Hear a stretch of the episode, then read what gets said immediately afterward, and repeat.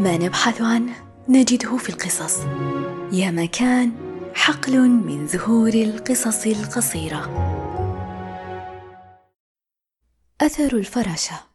بقلم ليال صلاح الصوص. إلقاء نور العريني.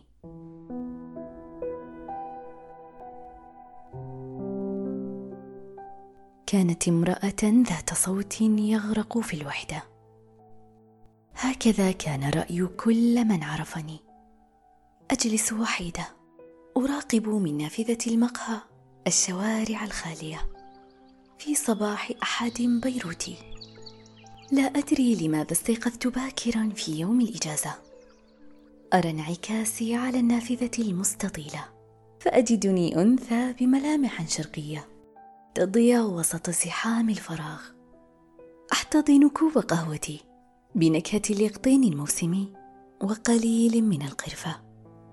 ثم أشيح النظر عنه لأتابع رذاذ البخار المتصاعد يرسم بضع علامات معتدلة الانحناءات.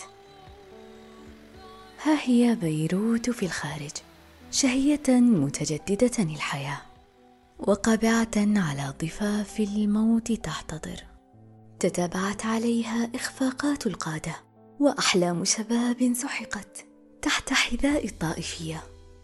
نفضت عني هذه الأفكار.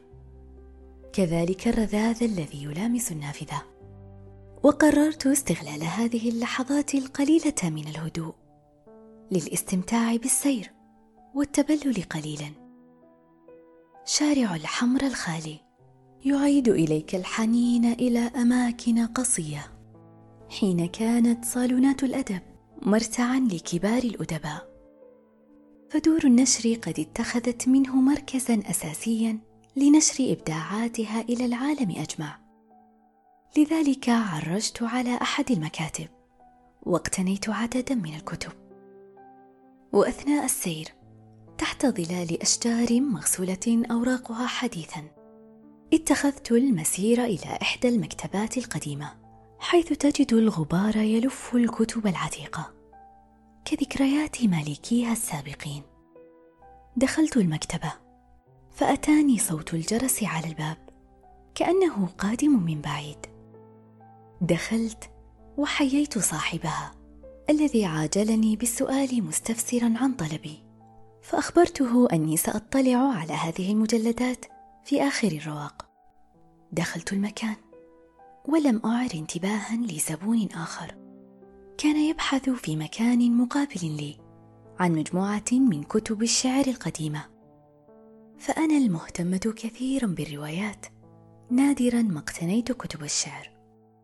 لفت ناظري كتاب قديم ملقى جانبا. قرأت الغلاف الخلفي الذي تفتت طرفه بسبب الرطوبه وغرقت في تلك الأبيات العشوائية. ما بال عينيك منها دمعها سرب أراعها حزن أم عادها طرب في تلك اللحظة سمعت صوت رجل قادم من بعيد وبدون مناسبة قال هل أعجبك الكتاب؟ لست خبيرة في الشعر لكنه يبدو مثيرا للاهتمام ألا تعرفين الخنساء؟ أخبرتك ليس من اهتمامات الشعر. الشعر ما اهتز منه روح سامعه كمن تكهرب من سلك على غفل أعتذر لا رغبة لي في دخول نقاش لا أفقه منه شيء. مشيت وبيدي مجموعة كتب لأدفع ثمنها وأذهب من هنا سريعا. فلا رغبة لي بتعكير السلام الذي عقدته مع الحياة اليوم. بدا مشهد المكتبة غريبا. فالغبار المتطاير تنعكس ذراته المنكشفة على خيط من النور كأننا داخل فقاعة زمنية. ومن طرف عيني رأيت ملامح الرجل. استدرت لأدفع النقود وانسللت خارجة لأسمع برفقة رنين الجرس صوته تذكري المدخل هو الخنساء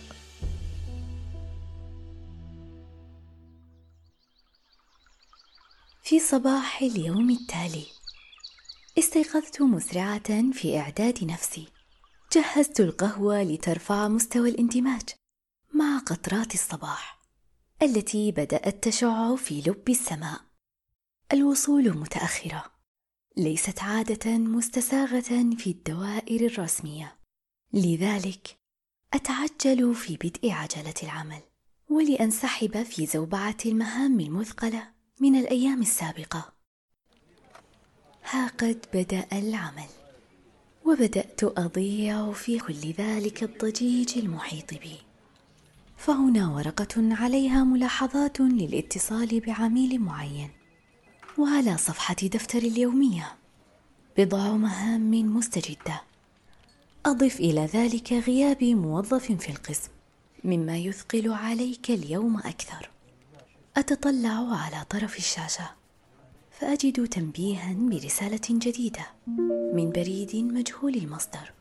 وكعادتي أتجاهل هذا النوع من البريد تحسبا من الوقوع في فخ الاختراق الإلكتروني. لكن عنوان الرسالة دفعني لفتحها.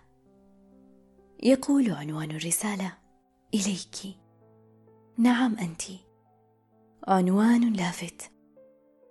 أجبرني على فتح الرسالة التي كانت تقول كنا كغصنين في جرثومة بسقا حينا على خير ما ينمى له الشجر حتى إذا قيل قد طالت عروقهما وطاب غرسهما واستوسق الثمر.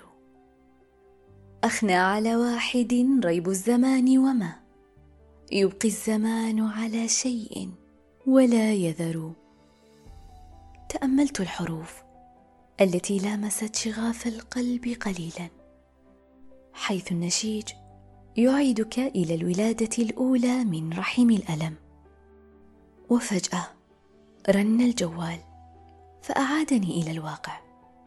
أقفلت البريد وجررت جرا إلى الدوامة مجددا إلا أن جزءا من ذهني هناك. مع الرسالة الإلكترونية وغصني الشعر.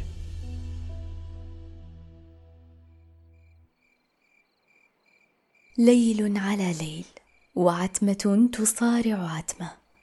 هكذا يجب أن أصف ليل مدينة بيروت في هذا الفصل حيث الغيوم السيارة تحجب ضوء القمر وتملأ الفضاء بالظلام. مرت أيام الأسبوع بسرعة. استحققت معها إجازة نهاية الأسبوع. فنحن نخوض السباق.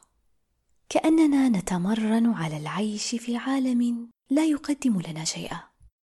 أحيا بلا عشق ولا رفيق.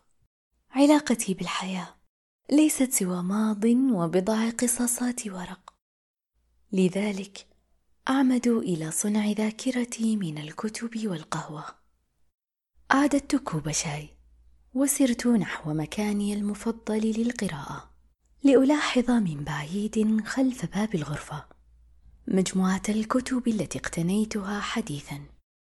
لكثرة انشغالي نسيتها ملقاة هناك. حملتها وبدأت في ترتيبها. لأجد بينها كتابا يحمل عنوان الشعر للخنساء. لقد نسيته في ظل انزعاجي من ذلك الرجل. بين قائمة اختياراتي. لم اعر الأمر اهتماما كبيرا فأضفته إلى رف الكتب غير المقروءة.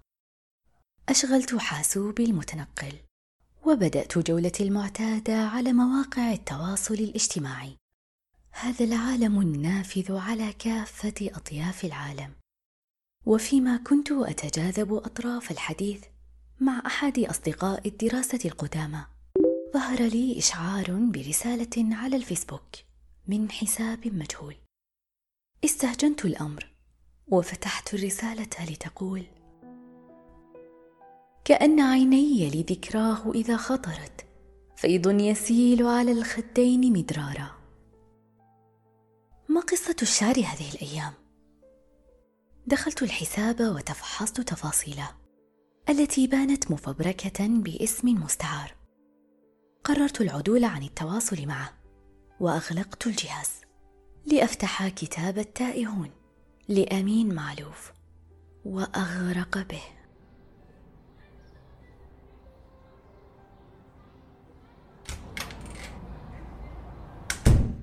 عدت إلى المنزل بعد يوم طويل في العمل متعبة من الرطوبه التي احتلت هذا اليوم الخريفي.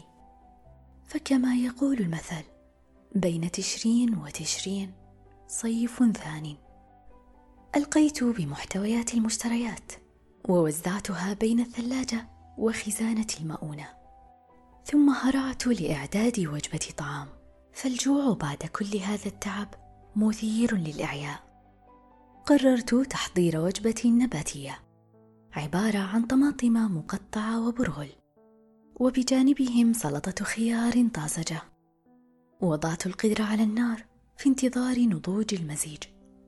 ثم لاحظت من بعيد رسالة ألقاها ساعي البريد تحت الباب ولم ألحظها في غمرة انشغالي بترتيب الأغراض. فتحت الرساله وإذا بها تقول يؤرقني التذكر حين أمسي فأصبح قد بليت بفرط نكسي. كان علي أن أسأل نفسي هذا السؤال منذ البداية. ما سر طفرة الشعر. دخلت الحاسوب وقمت بالبحث عن مجموعة الأبيات الشعرية لأكتشف أنها كلها تعود للخنساء اعتراني الفضول وبدأت أعتمد على الفكر التحليلي. وفي غمرة ذلك أتى مستوى النظر لدي على كتاب الشعر للخنساء وبدأت أبحث عن أبيات الخنساء التي مررت بها مؤخرا. ثم أسجل أرقام صفحاتها. لتترتب عندي سلسلة أرقام لا معنى لها. ثلاثون تسعة عشر أربعة وعشرون. تابعت البحث. لأكتشف أن تتابع الأرقام هكذا. يشكل لي فيما يبدو سلسلة رقم هاتف خلوي. أدخلت الرقم وحفظته في هاتفي. فإذا به رقم صحيح. تظهر بجانبه علامة برنامج الواتساب. أعلاه صورة رمزية للخنساء. اتصلت مباشرة على صاحب الرقم. لأسمع صوت ذلك الزبون في المكتبة على الطرف الآخر. صرخت به. ماذا تريد؟ إذا لقد أحسنت اتباع الخيوط فأهلا بك. ما قصتك والشعر؟ الشعر إن لم يكن ذكرى وعاطفة أو حكمة فهو تقطيع وأوزان. كم أنت مريب. ها أنا ذا قد حللت اللغز. ما هي خطوتك التالية؟ ماذا تريد مني؟ لا شيء. أريدك فقط أن تحذري. احذري أثر الكلمات فهي كأثر الفراشة.